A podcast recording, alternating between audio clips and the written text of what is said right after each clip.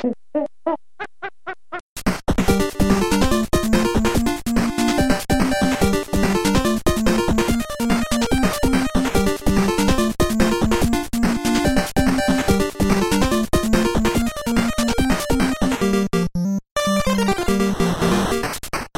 leven stopt bij 30 is mij ooit wel eens verteld. Maar niet voor ons, want dit is Button Bashers aflevering nummer 30. Yeah. Ja. Ik, Eh, ik zeg altijd dat het leven begint bij, eh, bij 30. Nee, Steve, het stopt, het stopt echt bij 30. Zeker Nee, voor de vrouwen en hoe ze eruit zien. Over smaak valt niet te twisten. Zeker niet. Maar dat doen we toch regelmatig in deze podcasts. Ja, maar ja, anders wordt het zo saai als we het Klopt, allemaal met ja. elkaar eens zouden zijn. Ja, maar daar hebben we het Niels toch ook voor, zodat we altijd iemand hebben om het niet mee eens te zijn. Ja, Ja. toch Niels? Of vind je dat een rol die je liever niet, eh, liever niet aanmeet? Dat knip ik er toch altijd uit. Oh Ja, dat precies. Is ook zo. Mooi bruggetje dit, waar de mensen op, het, op ons Buttonbashers forum het wel over eens zijn, is wie de tofste game room van 2014 heeft. Want Ja. na de uitzending van vorige week konden de mensen stemmen. Ze mochten drie stemmen uitbrengen. En ehm, ja, daar is, daar is een winnaar uitgekomen. En op één staat de game room waar jij geweest bent, Steve. En Ja. dat kunnen er dan nog steeds meerdere zijn. Dat, klopt ja, want geval, ik ben eh, overal geweest, joh. Waar ben ik niet geweest? Ehm, nou, ik denk niet bij die van Malou en Aapje. Dat weet je niet. Nou, vermoeden. Nee, Maar goed. dat klopt, ben ik inderdaad niet geweest. Je bent wel geweest in de game room van eh Fretendo. En Ja. dat is eh, degene die met 19 stemmen, en dat is ook nog eens 19% van de stemmen, gewonnen heeft. En daar ben ik zeer blij mee. Ja. Dat vind ik echt iemand die het met zijn game room verdient. En de nummer 2, Steve, dat ben jij. Met 17% Ook van wel de stemmen. tof. Ja, dat heb je toch maar netjes voor elkaar, kerel. Eh, de derde plaats is gewonnen door Gordijn. En, eh, nou ja, goed, dat zijn, de, dat zijn de, de, de mensen. Ja, de mensen hebben gestemd. Het volk heeft gesproken. Gordijn was ook net te laat met eh, zijn foto's insturen voor de vorige uitzending. Ja, Dus het is wel mooi dat hij dan alsnog... Ja. precies. Voor de juryprijs was hij net te laat. Maar het is dus wel mooi dat hij alsnog door de, door de forumleden gekozen is. Ja. Op Vind ik ook zeer tof. Eh game room van, eh, van Gordijn. Zeker een game room waarin ik eh, neer zou willen strijken. En het zou zomaar kunnen dat ik dat binnenkort een keer ga doen. Want ik kom tenslotte overal, toch? Ja, komt overal. Ik kom Dan overal. zou ik het ook leuk vinden als je bij Sneaker Pimp langs ging. Want die heeft maar één stem gehad. Even toch een eh, honorable mention. De, de, de hekkersluiter, de lijstduwer in dit geval. De dat, poedelprijs gaat naar Sneakerpimp. Naar Sneaker Pimp. Over poedelprijzen gesproken, eh, Niels. Ja. Er zijn competities. En in competities heb je winnaars en verliezers. Verliezers hebben vaak de poedelprijs. Hoe zit dat met de Pokémon-competitie die op dit moment... eh, ik weet niet of die al loopt. Maar Die die gaat, nog lopen, die gaat nog lopen. Dus niemand, gaat heeft, nog lopen. niemand Ja. heeft nog de poedelprijs. Wie kan zich opmaken voor de poedelprijs als die het niet goed doet in de, in de Pokémon-competitie? Want wat is precies de bedoeling van deze competitie, eh, Niels? Ja, de Pokémon competitie is bij mijn weten de eerste competitie die vanuit de, de Button Bashers community is gestart. Klopt. Door eh Chiron Grin, Gin, of Chiron Gin, of Chiron Gin. Ik weet niet hoe je zijn naam uitspreekt. Maar ehm, hij heeft een eh, Pokémon competitie opgezet voor Pokémon X en Y, de nieuwste twee delen dus, op de 3DS. En tot februari kun je je inschrijven, of gewoon reageren binnen de thread. En eh, kun je je NNID, of eh, hoe heet dat ook weer bij de 3DS? Nog steeds? De je friendcode. friendscode, denk Ja. ik. Ja. kun je je friendcode opgeven, inderdaad. En dan zal hij op 15 januari een battleschema laten zien. En weet je tegen wie je allemaal moet, eh, moet battelen. Oké. En, en is, er, is er ook iets van een prijs of is het gewoon honorable mention als je nummer 1 bent? De eeuwige roem. Nou, dat is, eh, vind ik al mooi genoeg hoor. En misschien dat we er nog wel eh, namens het forum een prijs aan gaan koppelen. Maar daar zijn we nog over aan het nadenken. Ja. Ik weet in ieder geval dat, eh, dat Jur, een van onze mods, daar al over had. Dus eh, Ja. we gaan een... eh, Oh nee, volgens mij had, eh had eh Cairo Jean het er zelf over. Oh. Maar iemand had het in ieder geval over en eh, we gaan... Worden we weer op kosten gejaagd? ja, worden weer op kosten gejaagd.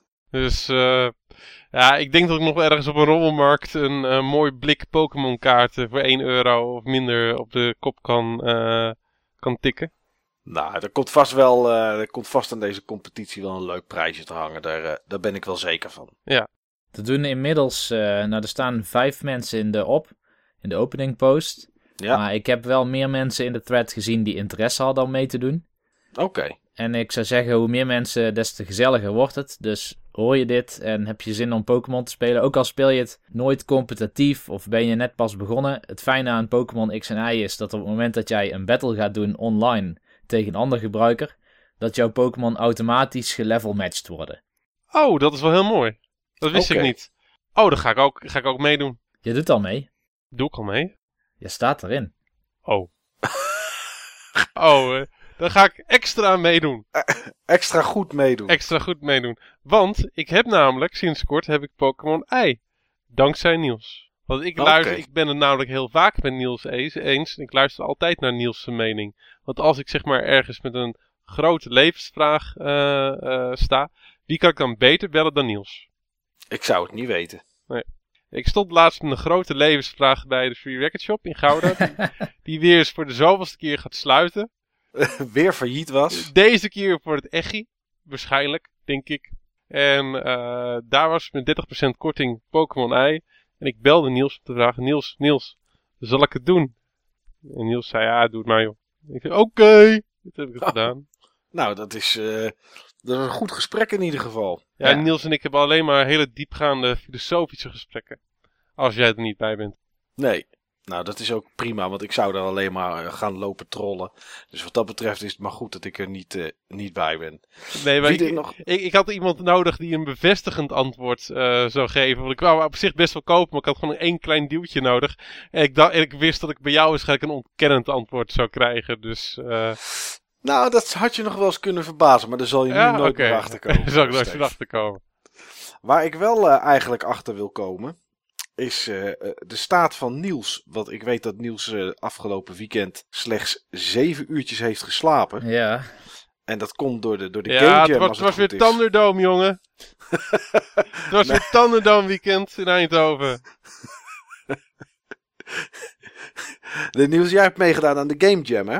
Ja, dat klopt. Game Jam 2014. Ja, en ik heb begrepen dat jij, uh, dat jij daar een, een live verslag van hebt gemaakt. Ja, dat klopt. Een Button Bashers Live uh, reportage. Oké, nou ja, dan ben ik heel benieuwd uh, wat je daar allemaal beleefd hebt en meegemaakt hebt. Dus ik zou zeggen, laat ons genieten. Welkom bij alweer een nieuwe aflevering van Button Bashers Live. Ik zit hier op wel een hele bijzondere locatie vandaag. Dat is namelijk de Global Game Jam 2014.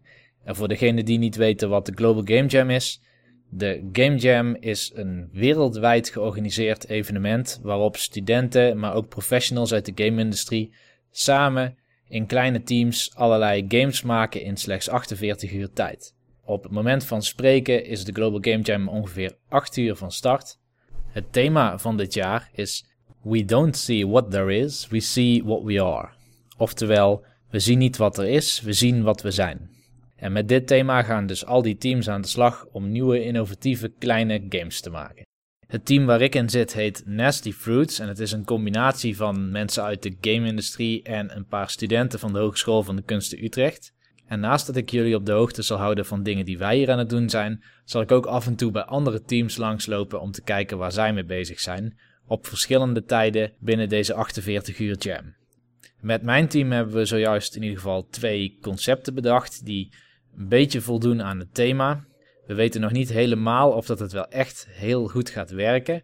Vandaar dat we aan het proberen zijn om zo snel mogelijk een prototype neer te kunnen zetten die andere teams hier al kunnen gaan spelen, zodat we wat feedback krijgen en daar verbeterslagen op kunnen maken. Zo, ik zit hier nu samen met uh, Emiel en dat is van het team hiernaast. Uh, hoe heet jullie team, Emiel? Gewoon cool.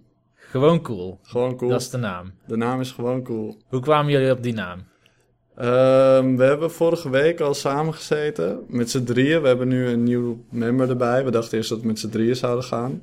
En we zaten in de kroeg en uh, we hebben slides voor elkaar gemaakt om elkaar beter te leren kennen met onze favoriete game erop. En daar stond ook een vraag bij: hoe denk je dat ons team gaat heten?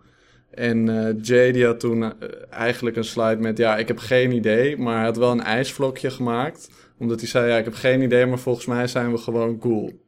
Ja. En dat vonden we allemaal zo ontzettend grappig. En dat ijsvlokje was ook echt heel snel gedoodeld met een waarom. En het zag er super grappig uit. Dus dacht ik van ja, nou, waarom nemen we dit niet gewoon? En dat is een beetje ingebleven. Ja. Oké, het thema van de Game Jam is eh, We don't see what there is, we see what we are. Ja, Wat vind je ervan? ik vind het een heel erg open thema. Je kan het op heel veel verschillende manieren uitleggen. Dus ik denk dat bijna iedereen wel een game met meerdere objecten of andere vijanden of wat dan ook kan hebben. En kan zeggen, kijk, het past binnen het thema, want en dan een mooi verhaal. Dus dat is misschien aan de ene kant minder drama. Aan de andere kant ben ik ook wel heel benieuwd om te zien hoe iedereen die vrijheid gebruikt om juist met hele unieke en andere games te komen. Ik denk dat er heel veel verschillende soorten games uitkomen. Dat vind ik heel erg leuk. Ja. Kun je al iets vertellen over wat voor game jullie aan het maken zijn? Wij zijn eigenlijk nu met drie games bezig. Drie. Drie games tegelijkertijd. Inderdaad, we konden niet 48 kiezen. uur. hè, Ja, ja, precies. Maar we zijn met drie programmeurs in feite. Of drie mensen die code kunnen schrijven. Dat is makkelijk. Ja. Precies, dus iedereen die maakt een prototype en eh, onze artist wordt helemaal gek, want die moet voor alles een beetje nu een artrichting eh Jacqueline eh, kiezen. Doet ze erg leuk overigens. En ja, de rest is gewoon de basis een beetje aan het, aan het opzetten en kijken of de core mechanic werkt of niet. En eh, we zijn van plan om eigenlijk nou ja, binnen een half uur eh, allemaal onze prototypes te gaan spelen en dan een keuze te maken waar we dan eh, nou ja, morgenochtend of dan gaan we straks zelf pitten mee verder gaan. Het is inmiddels vier uur geweest op de eerste nacht en ik heb weer iemand gevonden, weer een team gevonden. Hoe heten jullie? Ja, oh, wij zijn eh, team eh Bikkelneck.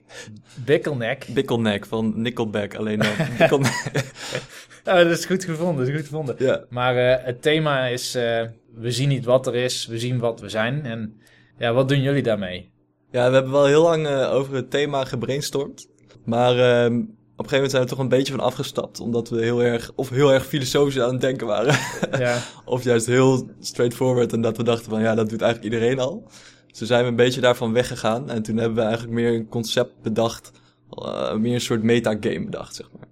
En da- vanuit die metagame zijn we weer wat lager gegaan naar de, de daadwerkelijke game. En daar zijn we nu mee bezig. ja, ja. ja, jullie hebben natuurlijk wel weer een naam waar te maken, want jullie hebben vorig jaar gewonnen, hè?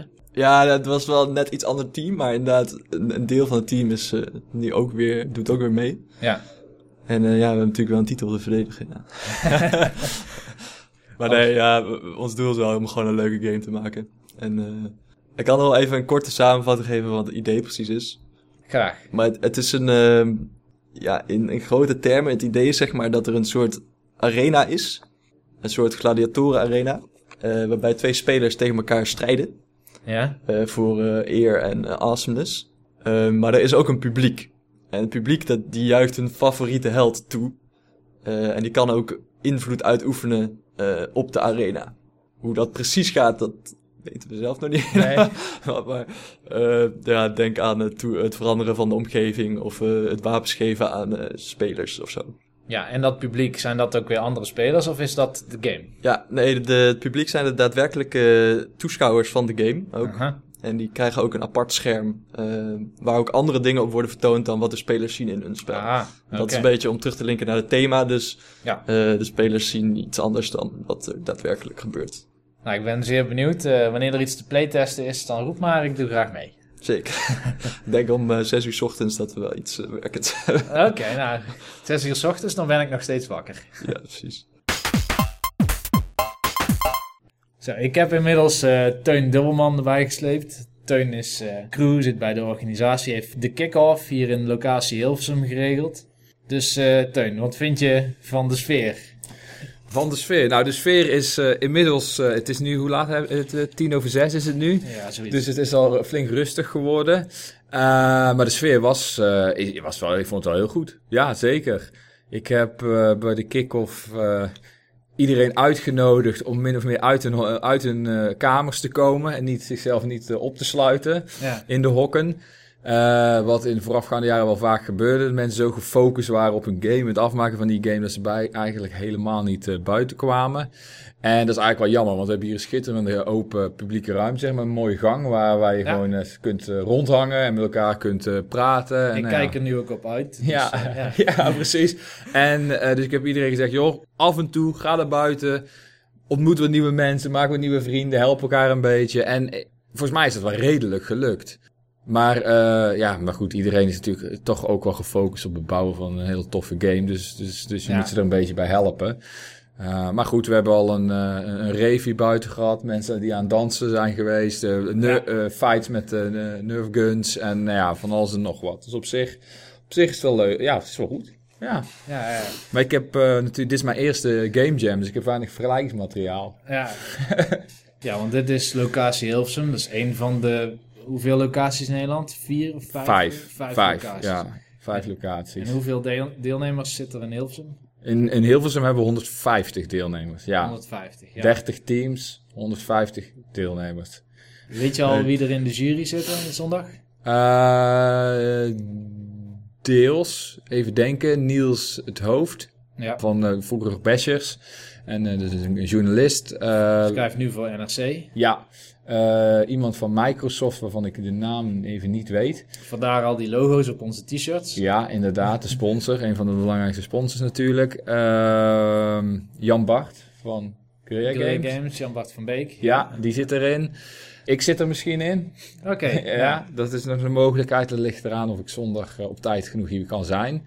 Uh, volgens mij hebben we dan al wel aardig wat mensen uit de jury. Ik vergeet vast nog wel iemand.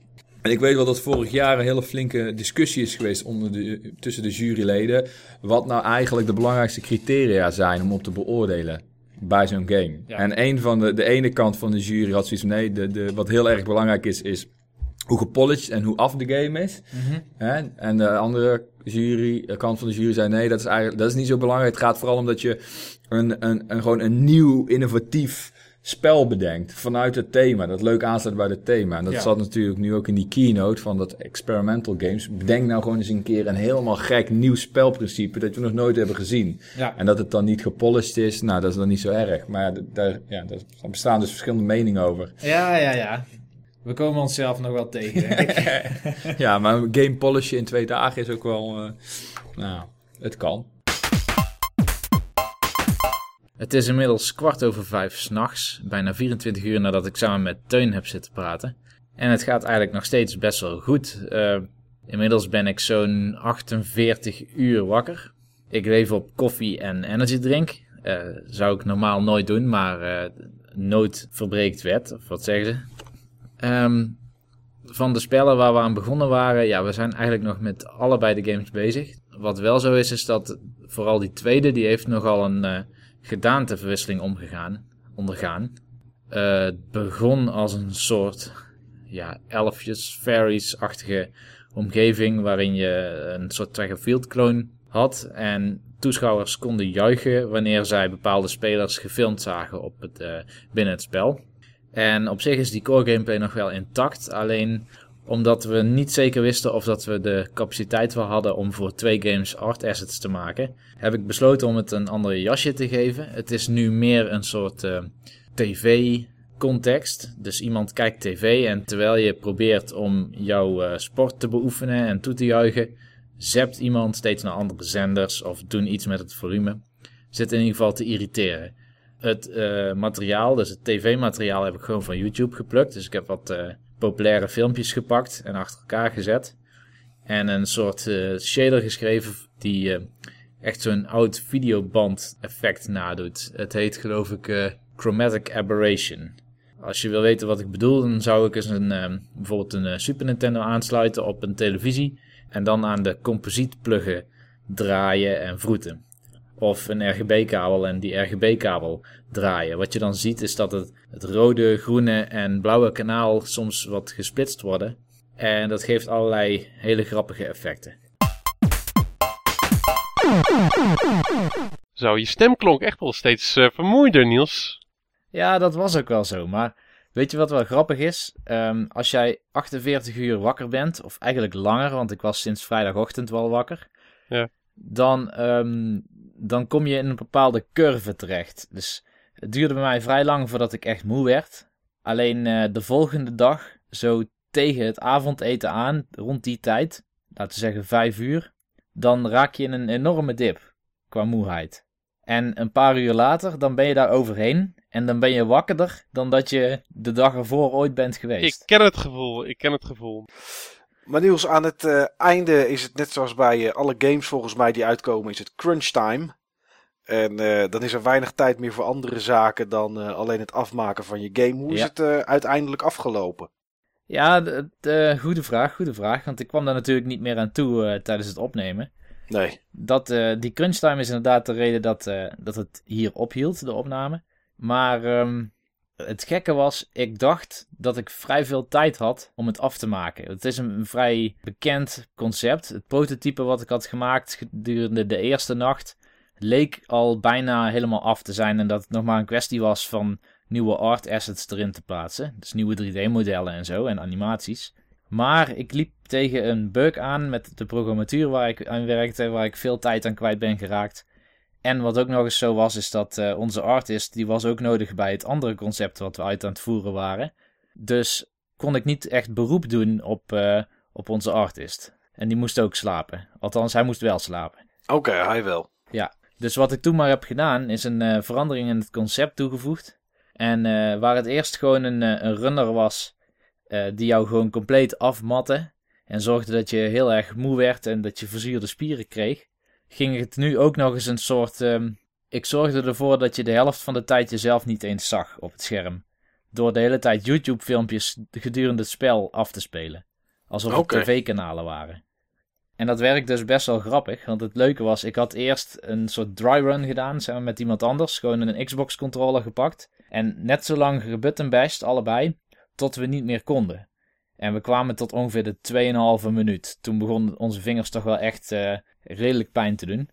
En het grappige was dat nadat ik al die filmpjes erin had gestopt, omdat je die afleiding hebt, werd ik na twee minuten, was ik nog lang niet eh, verzuurd. Dus ik heb die tijd toen verdubbeld naar meer dan vier minuten lang.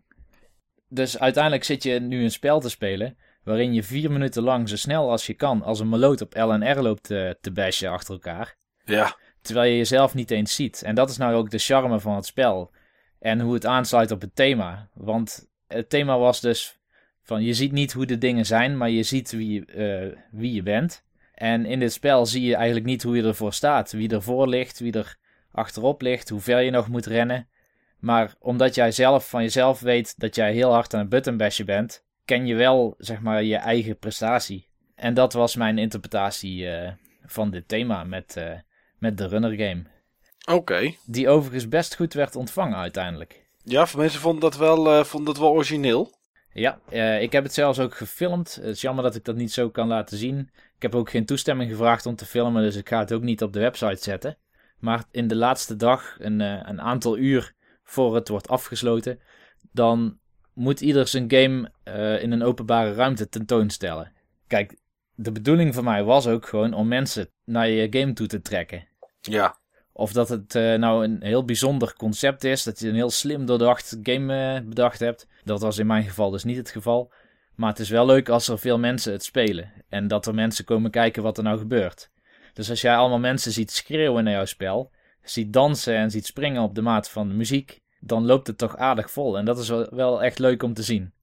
Oké, dus eh, is, het, is het dan ook een kans hebben om te winnen? Eh, ja en nee. Soms kan zo'n concept winnen. Ehm, ik had gehoord achteraf van een van de juryleden dat ik wel was genomineerd voor een categorie. Ik weet niet welke. Eh, dat betekent dus dat een jurylid. Het punt is, er zijn zoveel games. eh, Niet iedereen kan. Niet al, heel de jury kan alle games spelen. Dus Nee. ze verdelen in eerste instantie de games. Eigenlijk delen ze alle games door drie. En dan gaan de juryleden in groepjes van twee langs die games. En de juryleden die langs mij kwamen waren eh, Jan Bart van Beek, dat is de art director van Guerrilla Games en eh, een producer van Guerrilla Games. En blijkbaar vonden ze het toch wel zo grappig, of in ieder geval zo uniek, eh, dat zij het genomineerd hebben. En daardoor kwamen dus nog twee keer andere juryleden langs om het ook eens te bekijken. Oké, nou, dus het heeft, het heeft in ieder geval goed bekijks gehad. En ja, wie weet ben je de winnaar. Nou, ik weet zeker dat ik niet de winnaar ben, want Oh, Ze hebben van de locatie Hilversum, waar ik dus gegamejamd heb, wel bekendgemaakt wat het beste concept was. En dat was in dit geval een, eh, een soort multiplayer memory game op de iPad. Oké. Maar goed, je hebt Nou, een mooi weekend gehad. En je Het is hetzelfde als met de. Olympische Spelen. Meedoen is belangrijker dan winnen, Steve. Ja, Nou, dat vind ik niet. ik, speel nooit, ik speel nooit voor het spel. Ik speel altijd voor de knikkers. Nou, dat is dus het grappige. Ik ben normaal heel fanatiek met de Game Jam. Elk jaar probeer ik echt te winnen. De eerste Game Jam in Nederland heb ik wel eh, gewonnen met mijn team. Maar sindsdien maken we het onszelf altijd veel te moeilijk. En deze keer dacht ik, ja, fuck it. Dit is één keer in een jaar kan ik gewoon een game maken waar ik echt zelf zin in heb. Gewoon die gemaakt moet worden voor mijn gevoel. Ook al is er niemand die het leuk vindt, ik heb dan in ieder geval een goede tijd gehad. En dat heb ik dus dit jaar gedaan. maar daar gaat het om toch? Nou ja, dan eh, ging het in dit geval voor jou wel om het spel. En was het spel eigenlijk gelijk aan de knikkers. Precies. Niels, goed gedaan. Dankjewel, Steve. Ehm, ik ben eigenlijk benieuwd, Steve, of jij ook iets goeds gedaan hebt. Maar dan met eh games spelen. En dat gaan we eens even bekijken in, de, in deze week's Game Talk.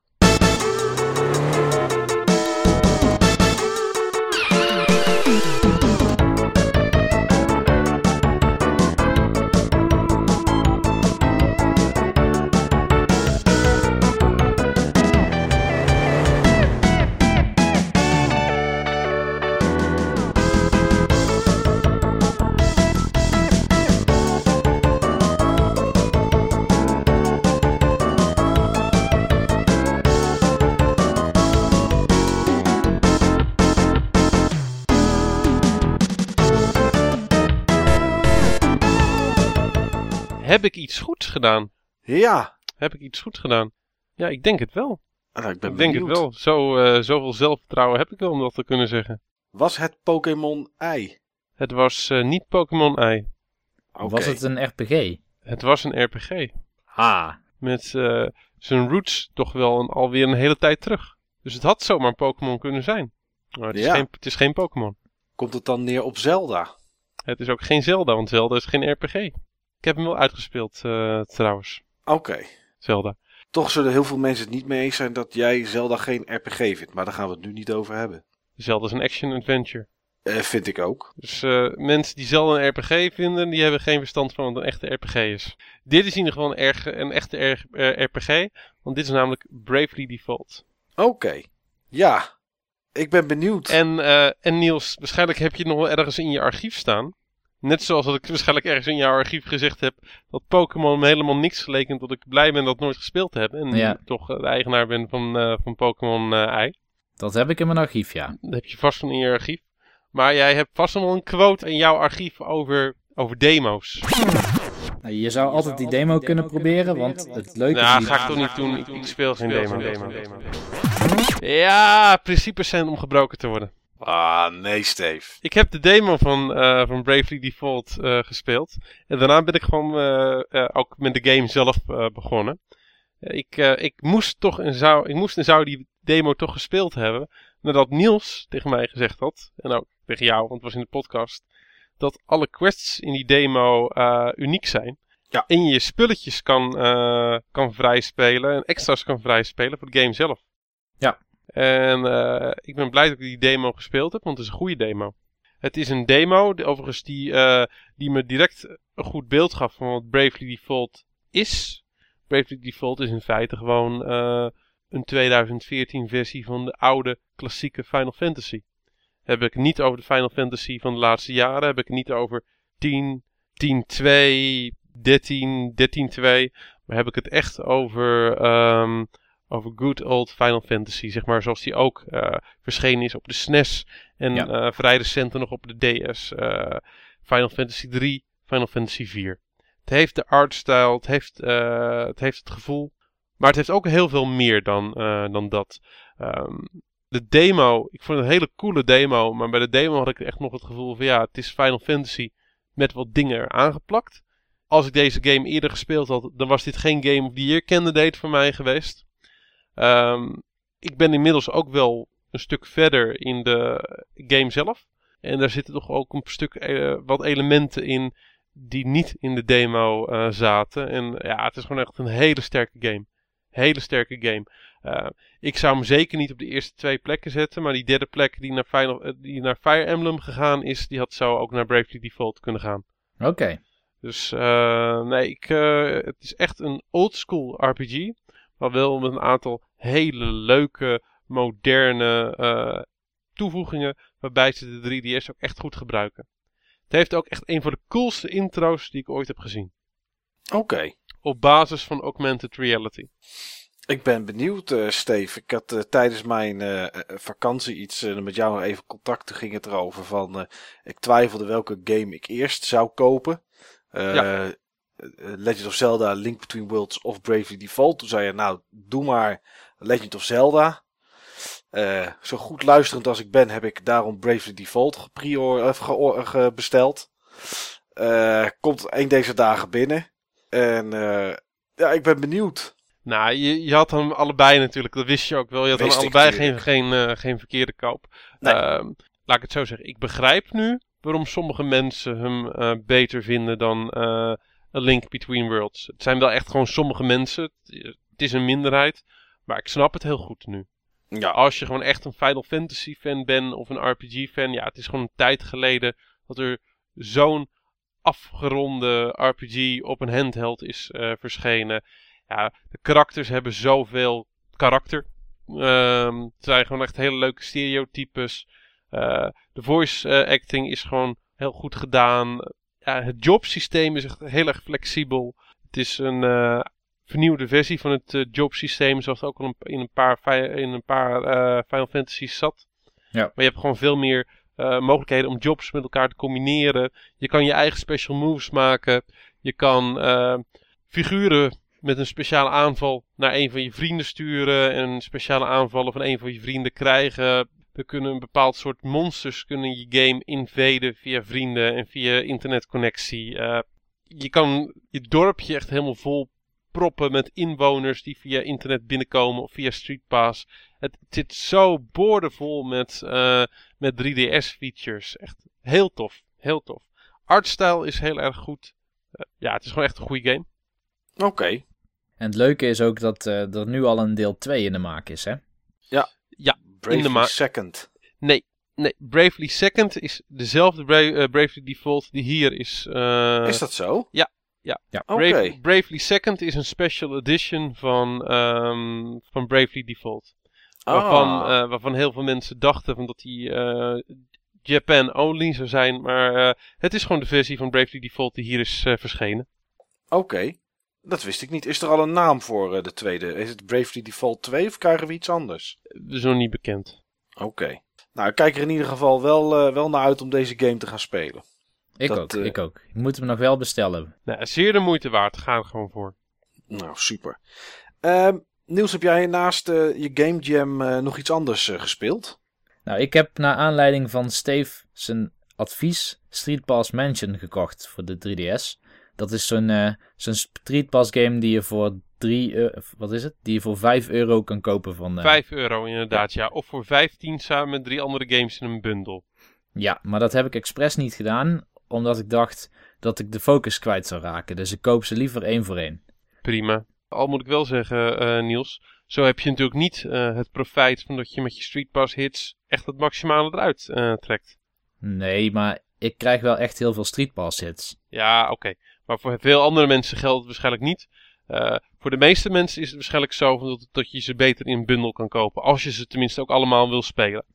Ja, dat denk ik wel. Maar ik, ik moet ook zeggen, ik zou ze niet allemaal tegelijk willen hebben, eerlijk gezegd, Steve. Want Street Pass Mansion duurt al best wel lang. Als jij 10 Street Passes hebt, dan zit je toch bijna een kwartier dat spel te doen. Ja, dat klopt. Ja, en als je er dan nog drie of vier andere games bij hebt, dan ben je met tien mensen ben je misschien anderhalf uur bezig op een gegeven moment. eh. Ja, en dan had ik liever een andere game gespeeld op de 3DS. Oké. binnen die tijd. Maar Street Pass Mansion, zoals Steve al zei, is best wel een leuke game. Hij is dieper dan je zou denken. Hij was ook nog dieper dan dat ik dacht nadat Steve had uitgelegd wat het precies was. Steve had dus al uitgelegd dat elke keer als jij iemand tegenkomt met je 3DS, dat je dan een eh, puzzelstukje krijgt. Afhankelijk van eh, welk level eh, dat poppetje is, dus hoe vaak je hem al eh, hebt gestreetpast, kun je ook kiezen tussen verschillende Tetris-achtige figuurtjes. En die leg je inderdaad in een level layout totdat jij een trap hebt gevonden. En dan kun je naar het volgende level toe. En ondertussen krijg je dus heel veel schatten en bevecht je monsters. Maar dat gedeelte van die schatten, daar heb je dus, daar krijg je wapens in en al die wapens hebben een ander element. En die monsters zijn weer gevoelig voor bepaalde elementen. En er zit dus ook nog een heel level-up systeem in van die wapens. En Ja. die kun je combineren en dergelijke. Dus er is best wel veel te doen in die game. Plus, eh, des te groter de kamer die je kan maken met die stukjes, eh, des te sterker zijn de wapens die je krijgt. En des te meer krijg je er ook in één keer. En daarbij is het niet zo, want zeg maar, als je een, een kamer van vier, dat je er zes van maakt, of van, eh, dat je er zes van, dat je er tien van maakt, dat je op die manier, zeg maar, eh, aan die hele goede bonussen eh, komt. Nee, je moet gewoon direct een kamer van 10 of 12 of 14 stukjes maken. Dan is het gewoon bang en dan heb je allemaal gouden kisten. Maar als je zeg maar steeds iets bijlegt, dan, dan lukt het niet. Dus je moet echt plannen en een beetje gokken op wat je vaak krijgt. Om te zien van eh, ja, hoe ver je kan gaan. En eh, dat is toch uitdagend en boeiend genoeg dat ik daar eigenlijk elke dag mee begin. En dat het vaak ten koste gaat van de tijd die ik in andere spellen zou, spe- zou steken. Ook omdat ik het gewoon echt leuker vind soms om te doen. Ik ben steeds echt benieuwd van welke stukjes je krijgt en eh, wat je daarmee kan gaan aanleggen, wat voor nieuwe monsters je tegen gaat komen. Het is een goede aanrader, eh Steve. Ja, dat zit wel goed. Want eh, het is gewoon echt een hele leuke game. En voorlopig zit er nog wel heel veel content eh, in. Ja. Het is van eh, die vier spellen die je extra kan downloaden. Voor het hele Street Pass gebeuren is het wel de beste. Met daarachter dan die shooter. Oké, nou ja, leuke, leuke toevoeging voor mensen die inderdaad een hoop, op een hoop openbare plekken komen om, eh, om te streetpassen. Ja, Dan, als, jij, als je onderweg bijvoorbeeld eh, een Starbucks tegenkomt, op eh, weg naar mijn werk kom ik twee Starbucks tegen. En daar hebben ze zo'n Street Pass relay systeem geïnstalleerd. Zodat jij eh, ook eh Mies uit het hele land krijgt. Oké, Zes tegelijk. Ja. En ehm, ik weet niet per se of het uit het hele land is. Volgens mij houdt hij ook wel. Volgens mij houdt hij vast wie er langs dat relay systeem zijn gekomen. Ja, dat klopt. Maar op, op een station is dat typisch gezien toch wel uit het hele land. Ja, nee, dat klopt, ja. ja. Ja, dat klopt, ja. ja. Eh, het is overigens niet alleen Starbucks, het is ook McDonald's, het is ook ehm, KPN-winkels, het is ook, het is van alles. Het is echt van alles. Eh, Nintendo heeft ook een site waar al die eh, punten staan. oké. Ik zal daar eens kijken. Ik moet in ieder geval zeggen dat ik, ik zet tegenwoordig in de bus mijn eh, DS al aan. Voor de zekerheid. Want ik spaar echt street passes. Ja, ik doe het echt precies hetzelfde. Het klinkt zo zoals ik het doe ook. En eh, ik heb inmiddels 1000 eh, You Are Fantastic eh, ratings gehad. Nou, da- Heb jij duizend You Are Fantastic eh, ratings gehad? Ja. Damn, dan ben je fantastisch. nou, als duizend mensen het zeggen, dan kan het gewoon niet, niet zo zijn. Ik ben er stil van. Daar zit ik nog niet aan hoor. Maar ik ben misschien gewoon minder fantastisch. Ah, Steven, het zegt vooral dat je veel street passes krijgt. Ik weet het, ik weet het. Maar dat was eh, alles wat ik heb gespeeld. En wat heb jij zelf gespeeld, Michael? Ja, dat weet ik eigenlijk niet zo goed meer. Maar één ding is me wel. eh, ik heb wel redelijk wat gespeeld, maar één ding is me wel bijgebleven. En dat is dat ik nog wel eens het geluk heb om eh, iets zeer vroegtijdig in handen te krijgen. En ik kreeg in dit geval kreeg ik eh, Diablo 3 Reaper of Souls kreeg ik in handen. De beta key van, van Blizzard kreeg ik Hmm. toegestuurd. En dat heb ik afgelopen vrijdag heb ik dat een aantal uren gespeeld. Twee uur op, op livestream. En daarna heb ik het nog even los een beetje zitten spelen. En ik kan daarover zeggen dat het helaas, maar goed voor de fans misschien eh, een, een hoera is, dat het eigenlijk meer van hetzelfde is. Er, eh, er veranderen wel een, een, een, een, hoop, een hoop dingen. Eh, loot noemen ze loot 2.0. Eh, de auction house gaat er natuurlijk uit. Dus Ja. items moeten, moeten gedropt worden door de, door de mobs die je tegenkomt, door de tegenstanders. Ik begon te spelen met een level 42 Barbarian. En ehm, in Act 5, want dat is wat erbij komt, hè, er komt een heel nieuw hoofdstuk bij. En in Act 5 waren de items die daar als eerste dropten, waren gelijk al upgrades voor wat ik had. Dus ik werd wel eh, redelijk beloond voor het feit dat ik, eh, dat ik ermee aan de slag ging. Ja, En dat was eigenlijk wel, eh, nou, continu was dat wel eigenlijk wel het geval. Dat er goede items dropten. Maar voor de rest, eh, ja, de nieuwe, nieuwe klas zit erin, de Crusader. Alleen, eh, ja, goed, omdat ik Act 5 wilde laten zien op stream en dat ook wilde spelen. Omdat ik Act 1, 2, 3 en 4 al eh, behoorlijk vaak had gespeeld, heb ik daar nog, heb ik daar nog geen indruk van.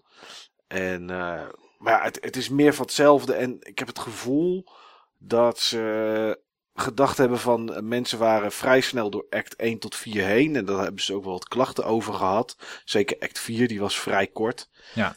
En dat ze zoiets hadden van, nou, dit is best wel groot. Weet je wat we doen? Dan doen we Ctrl-A, Ctrl-C en Ctrl-V. En dan is het nog groter. Want er zaten echt dungeons bij waar helemaal niets te halen was aan het einde.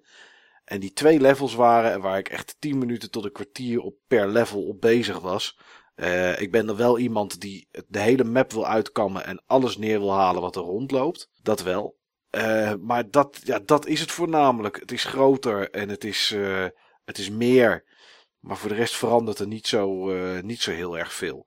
Het enige wat echt opviel en wat echt heel goed was, en dat valt normaal niet zo op, is de muziek. De muziek in de uitbreiding is echt geweldig. Symfonisch, het is, het is groots, het is aanwezig en het brengt echt een hoop sfeer met zich mee. Toch een keer mijn speakers aanzetten dan. Dat zou ik daarbij zeker doen, eh, want dat is echt, uh, echt de moeite waard. Ja. Ja. Ik had nog wel een vraagje, hè? want ehm, een van de dingen die Diablo 2-spelers heel graag terug zouden zien zijn dingen als eh, runes.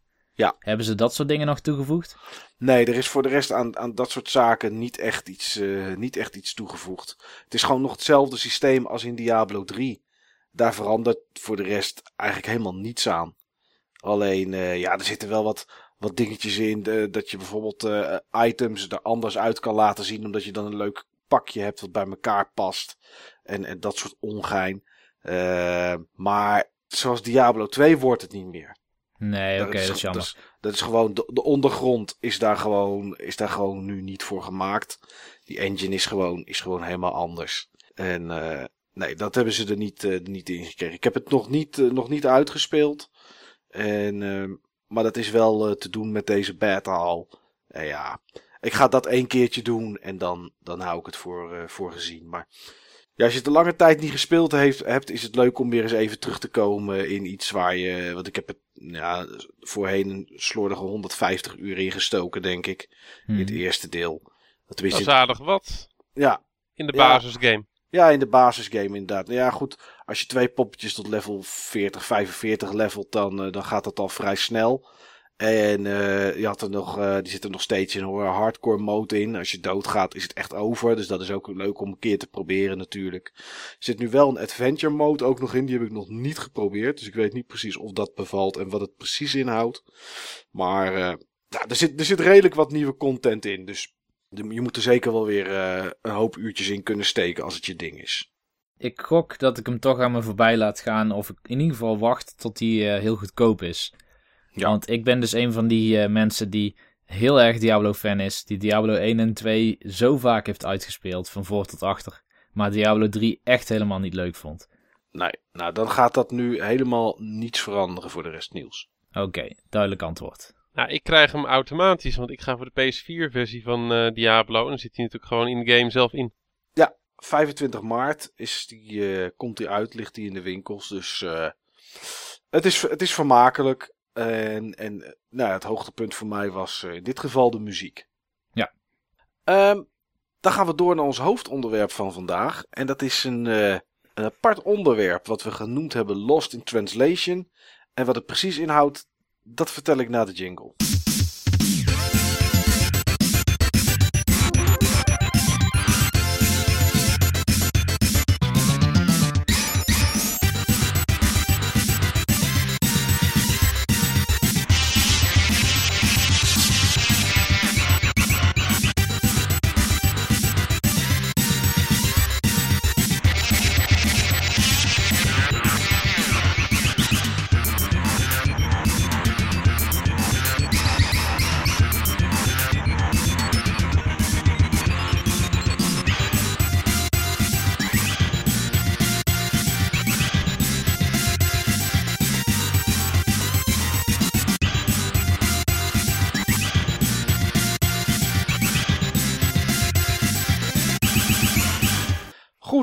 Lost in Translation. Uh, mag ik overigens eerst even zeggen, jongens, dat ik dat echt een verschrikkelijke film vond. Ik weet niet of jullie het gezien hebben. Ja, ik ken hem met eh, Bill Murray. Ja, wat een draak van een film. En eh, Scarlett Johansson, toch? ja, Ja. ik begreep Maakte niet. die niet alles goed? Ach, wel nee. Als ik naar iets moois wil kijken, kan ik ook ergens een plaatje op internet pakken van een vrouw, eh, Steve. Of gewoon naar mijn vriendin kijken. Nee, ik... eh, ik nee, ik... Ah, wat een draak van een film. Weet je dat dit... eh, ik hou helemaal niet van films, maar als ik een top 10 op zou moeten noemen, staat deze er wel in. Ja, we gingen het niet over smaak hebben, geloof ik, in deze Nee. aflevering. Ga door, Michael. Ja. Ehm, we hebben op het forum eh, hebben we een post eh, gedaan met daarin eh, twee vragen, twee topics daaronder hangend, zeg maar. En het ging vooral om welke games zijn zeg maar echt verloren gegaan. Ehm, ja, door een, een niet-translatie in dit geval. Welke games zijn er bijvoorbeeld in Japan of in Amerika uitgekomen, maar zijn nooit naar Europa gekomen. En eh, ja, baalde je daarvan eigenlijk? Eh, en heb je ze daardoor nooit kunnen spelen? Of heb je de trucken vooruit moeten halen om ze, om ze te spelen? Denk aan eh, ja, een, een- repro of, of, of een omgebouwde console of noem het maar op. Vertalingen door fans die gemaakt zijn en daar rommetjes van op internet zijn, zijn gezet. En de andere vraag was eh, welke eh, ja, eigenschappen zijn van een game eigenlijk verdwenen toen ze wel getranslate waren. Oftewel, eh, welke eigenschappen of, of features zijn, zijn weggevallen toen games vanuit Amerika of Japan naar Europa zijn gehaald. Daar, zijn, daar is heel erg, heel erg goed op gereageerd. En dat is, dat is erg tof. Voordat we door die lijst gaan heen lopen, was ik eigenlijk benieuwd, jongens, wat eigenlijk bij jullie eh, games zijn waarvan je baalt of gebaald hebt vroeger dat ze hier niet uitgekomen zijn. Eh Steven, om bij jou te beginnen, heb jij, eh, heb jij van dat soort titels? Oh, zeker weten. Zeker weten. Ja, dat is direct gewoon één titel waar ik, eh, waar ik vroeger echt heel erg van bakker heb gelegen, bij wijze van spreken. Dat is Secret of Mana 2. Seiken Seiken Densetsu. net den, Densetsu 3. Die had ik ook op mijn lijstje. Ja, stond ook op het lijstje van eh, mensen op het forum inderdaad. Secret of Mana 2 werd slechts maar één keer genoemd. Maar eh, nou ja, bij deze is dat, eh, is dat op drie. We- ja, hoe, hoe maakte je dat op dat moment mee vroeger, Steve? Had je er, weet je, had je er begrip voor? Begreep je dat het hier niet uitkwam? Of... Nee, nee, eh, dat was nog in de tijd eh, voordat ik internet eh, had. Ja, En dan zag ik plaatjes van, eh van Seiken Densetsu eh 3 in eh, Official Nintendo Magazine. ja. En ja, ik kon er zo goed vermaakt met Mana. Ik had echt zoiets van, joh, dat ding gaat wel uitkomen in eh, Europa of Amerika. Al komt hij maar uit in Amerika, dan... Ik had ook een Amerikaanse Secret of Mana, want het duurde gewoon lang voordat hij in Europa uit was. Ja. Maar, ehm, ja, ik had nooit verwacht van dat hij echt in Japan zou blijven. Voor mijn gevoel kwam elke Japanse game ook eh, in Amerika of Europa uit, maar duurde het gewoon langer. Uh-uh. Niet bij Inmiddels- deze. Inmiddels weet ik wel dat, er gewoon, dat het totaal niet het geval is. Maar ja, dat waren de games die je met name gewoon zag. Dus, eh, maar eh, ja, ik heb hem gewoon in mijn kast staan. CIB. Repro eh, laten maken bij Klonoa. Een van onze forumleden. En eh, ja, via een van de forumleden van, eh, van het Palrox forum, zeg maar de voorloper van ons forum, spiritueel voorloper moet ik zeggen. Zelfs een manual doosje in, in map kunnen fixen. Dus echt compleet, maar wel gewoon lekker in het Engels. Ik had hem al een keer gespeeld als, eh, als ROM. Dat was inderdaad een van die games die gewoon fan en translated eh, is. Ja, gewoon echt een hele goede vertaling ook nog eens een keer. Ik, Ja. denk dat de, ik denk dat de vertaling van deel 2 beter is dan de officiële vertaling van deel 1. Ja, dat, dat denk ik ook. Dat weet ik wel zeker trouwens. Want deel 1 is echt beroerd vertaald. Ook dat is lost in translation. Soms eh, Ja. levert eh, ja, de vertaling gewoon echt de meest bizarre eh, plot aanpassingen op. Of, of gewoon echt de slechtst mogelijke Engelse constructies. Maar ja, dit is er eentje in ieder geval. Daarvan is de fan translation heel erg goed. Ja, nou ja, dan is, dan is de game zeg maar door de translation ook een beetje lost. Want dat haalt gewoon de sfeer en de jeu uit de game als je hele kromme zinnen ziet staan. Zeker, zeker. All your base are belong to us. Ja. Zero Hour inderdaad, ja. Ja, Ik heb hem hier liggen. Maar wat Seiken Densetsu 3 eh, betreft... Ik had ook niet verwacht dat die niet zou komen. Omdat ik altijd heb gedacht dat Seiken Densetsu 2... Oftewel onze Secret of Mana... Dat het zo'n succes was geweest hier. ja. En dan zou je verwachten als dat een succes is, dan komt de opvolger komt vanzelf ook wel. Ja, maar net zoals Steve heb ik wel eh, de ROM-versie gespeeld. En daar weet ik gek genoeg nog meer van dan, eh, dan van Secret of Mana. Terwijl ik Secret of Mana veel vaker heb gespeeld. Maar misschien komt dat dan inderdaad door die betere vertaling. Ja, dat En- zou... eh, Het is ook een betere game. Het is echt een betere game. Eh, meerdere eindes, eh, Meerdere beginnen. meerdere beginnen afhankelijk van het karakter wat je kiest als hoofdkarakter. Meerdere ja, karakters die je kunt kiezen als bijkarakter. Echt geweldig. Echt een hele goede game.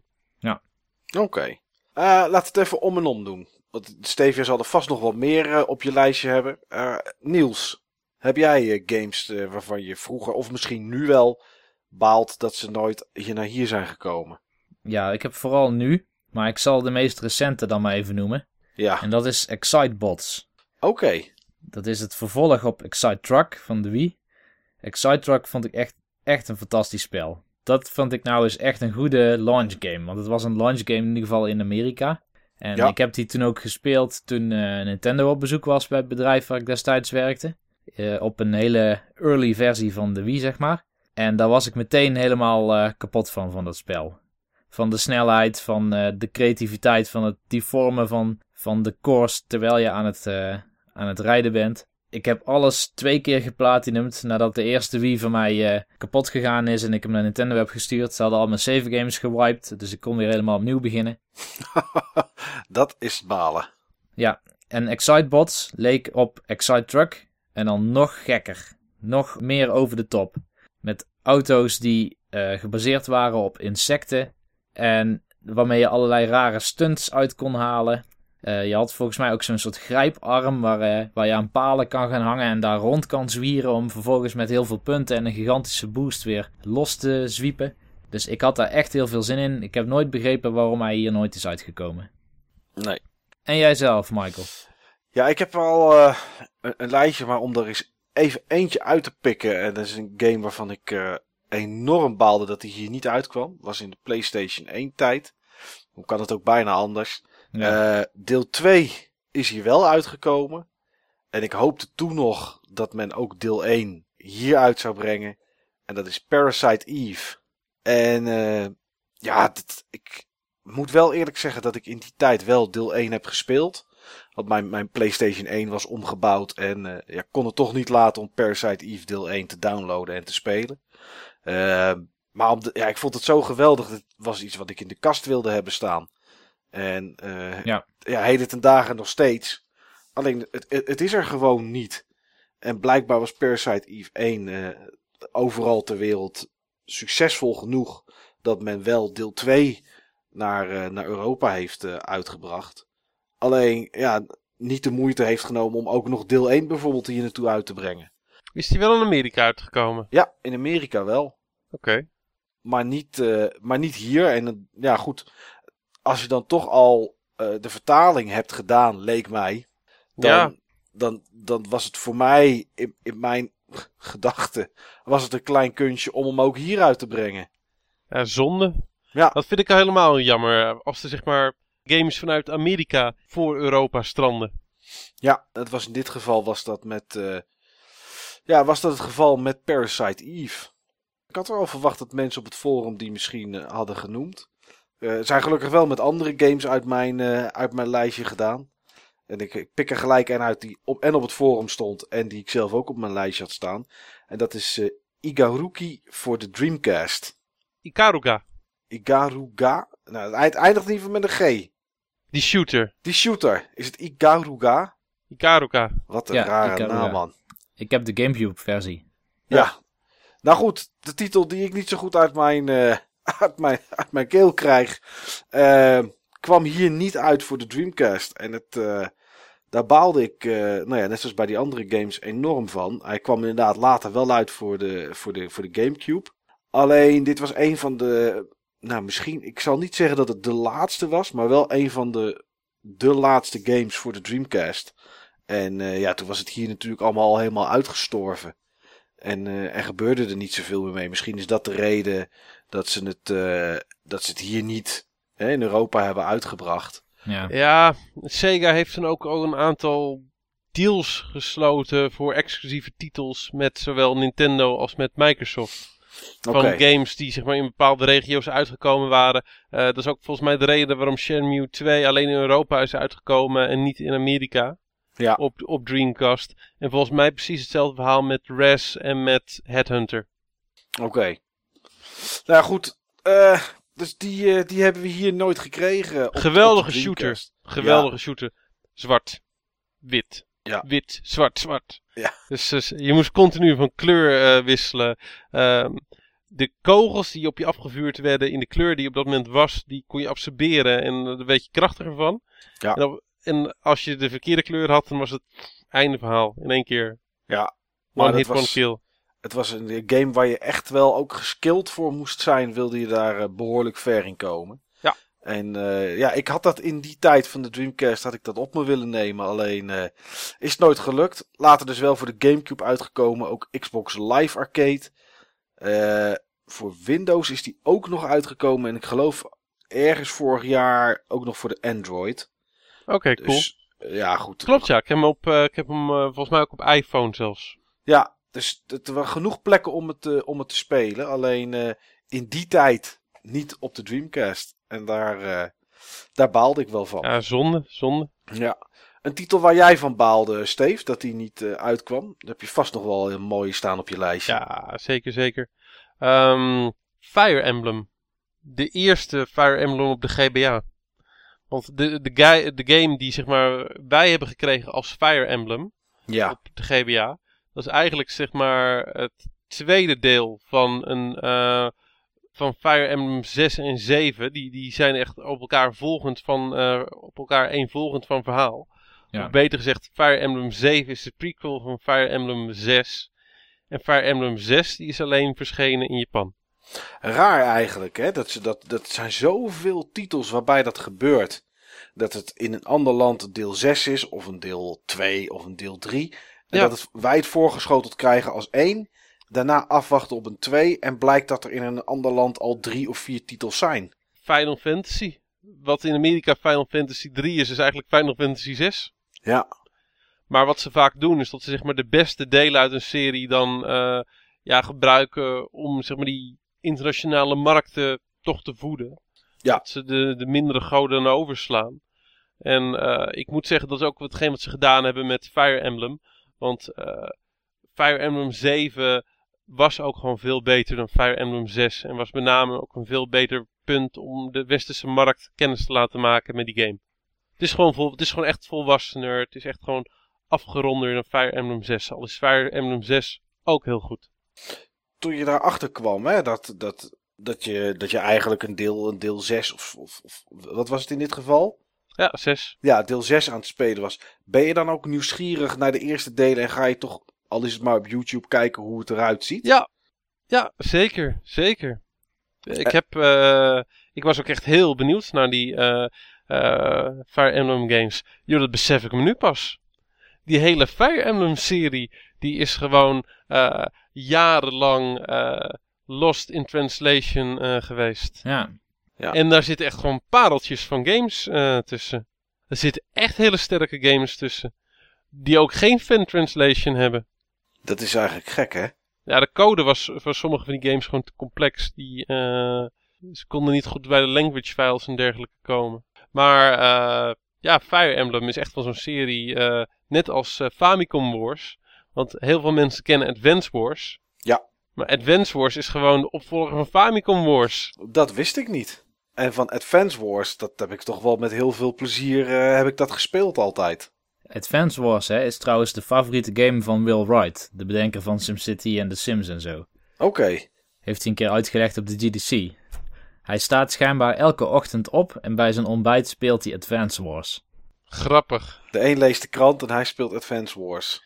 En zo heeft elke gek zijn gebrek. Zo is het. Het is wel leuk dat jij een reeks aanhaalt, eh, Steven. Op het forum eh, kwam namelijk ook een reeks naar voren. En dat is de Tales-reeks. De, zeg maar de, Ja, de Final klopt. Fantasies van, van eh, Namco Bandai. Al moeten we tegenwoordig Bandai Namco zeggen.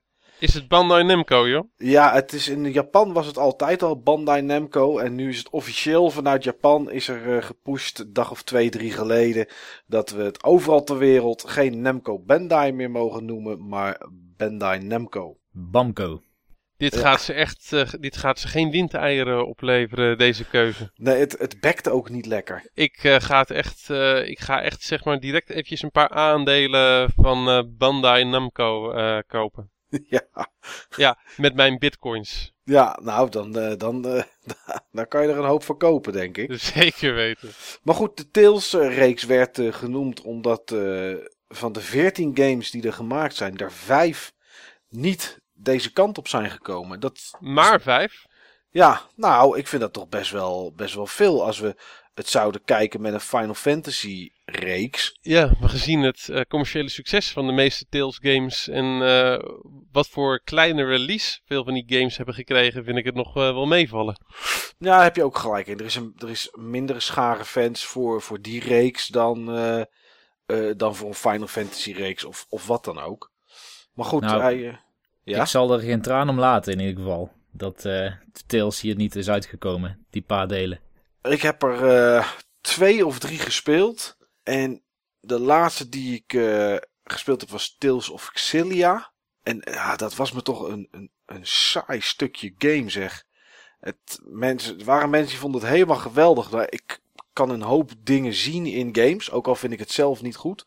Maar ik kon dit, in dit geval kon ik het niet. Het was eh, zoutloze voice was, was er ingesproken voor die karakters. En een verhaal wat me totaal niet kon boeien. Nee, ik, eh, ik zou het als nooit meer een Tales game gemaakt zou worden. Ik slaap er geen seconde minder om. Maar goed, iemand eh, was het wel opgevallen in, eh, op het forum. Dus ja, die denkt, ik ga dat eens even roepen. Nou ja, En, en ik heb in ieder geval een repro van Tales of Fantasia. Oké, Zeg maar de SNES game die alleen op de Super Famicom is uitgekomen. En waarom heb je juist die gekocht? En die, die, eh? later, die later wel uitgekomen is op de eh, Game Boy Advance, hè? Game Boy Advance, inderdaad, ja. Oké, en kocht je die omdat je het wilde spelen of omdat je toevallig tegenkwam? Wat was de reden? Omdat dat je het toch- kon. Precies. Omdat het kon. Je had Omdat de ik- euro's. Ja, precies, die brandde in mijn zak. Je moest een stuk slaan op iets. En toen Ja, lag en- daar een Tails Repro. Nou, dan dat maar. Ja, nou, ik, eh, ik wou hem toch hebben. En eh Klonoa die eh, was ergens mee bezig voor me. En ja, het ging gewoon in één moeite, één moeite door. Ja. Dus ook deze heb ik weer bij onze repro-koning Klonoa vandaan. En dit is een Tales game die goed aangeschreven staat. Tales of Fantasia. Ja, Ik weet niet of het, of het dat waard is, want ik heb hem nooit gespeeld. Nee.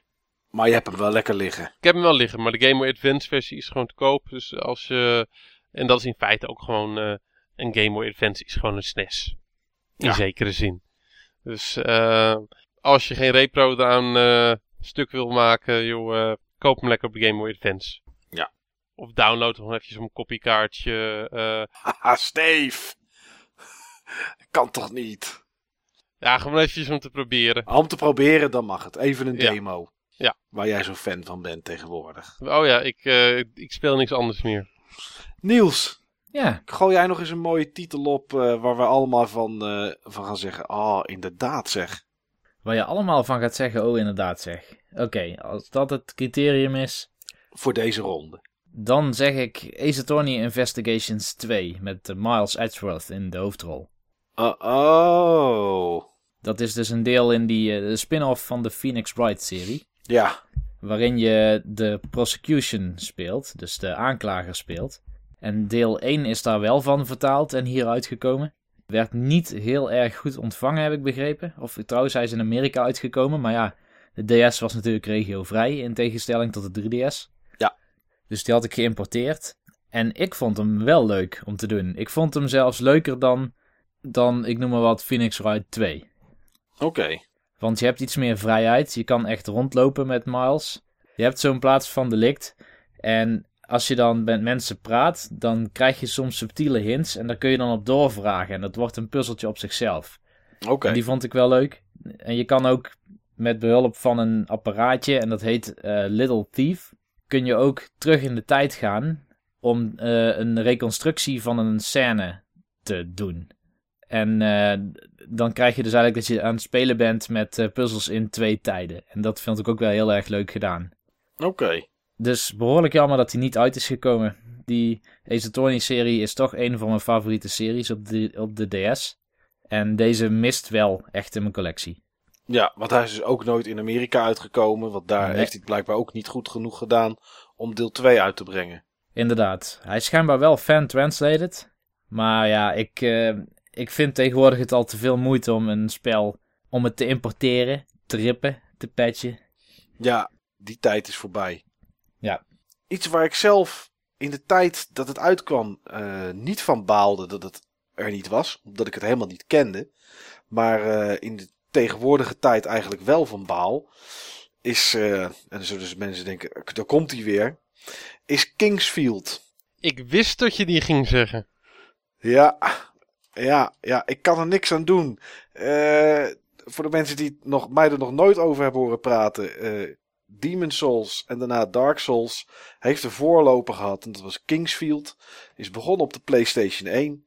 Er zijn eh, in Japan drie Kingsfields uitgekomen. De eerste is, was alleen in Japan.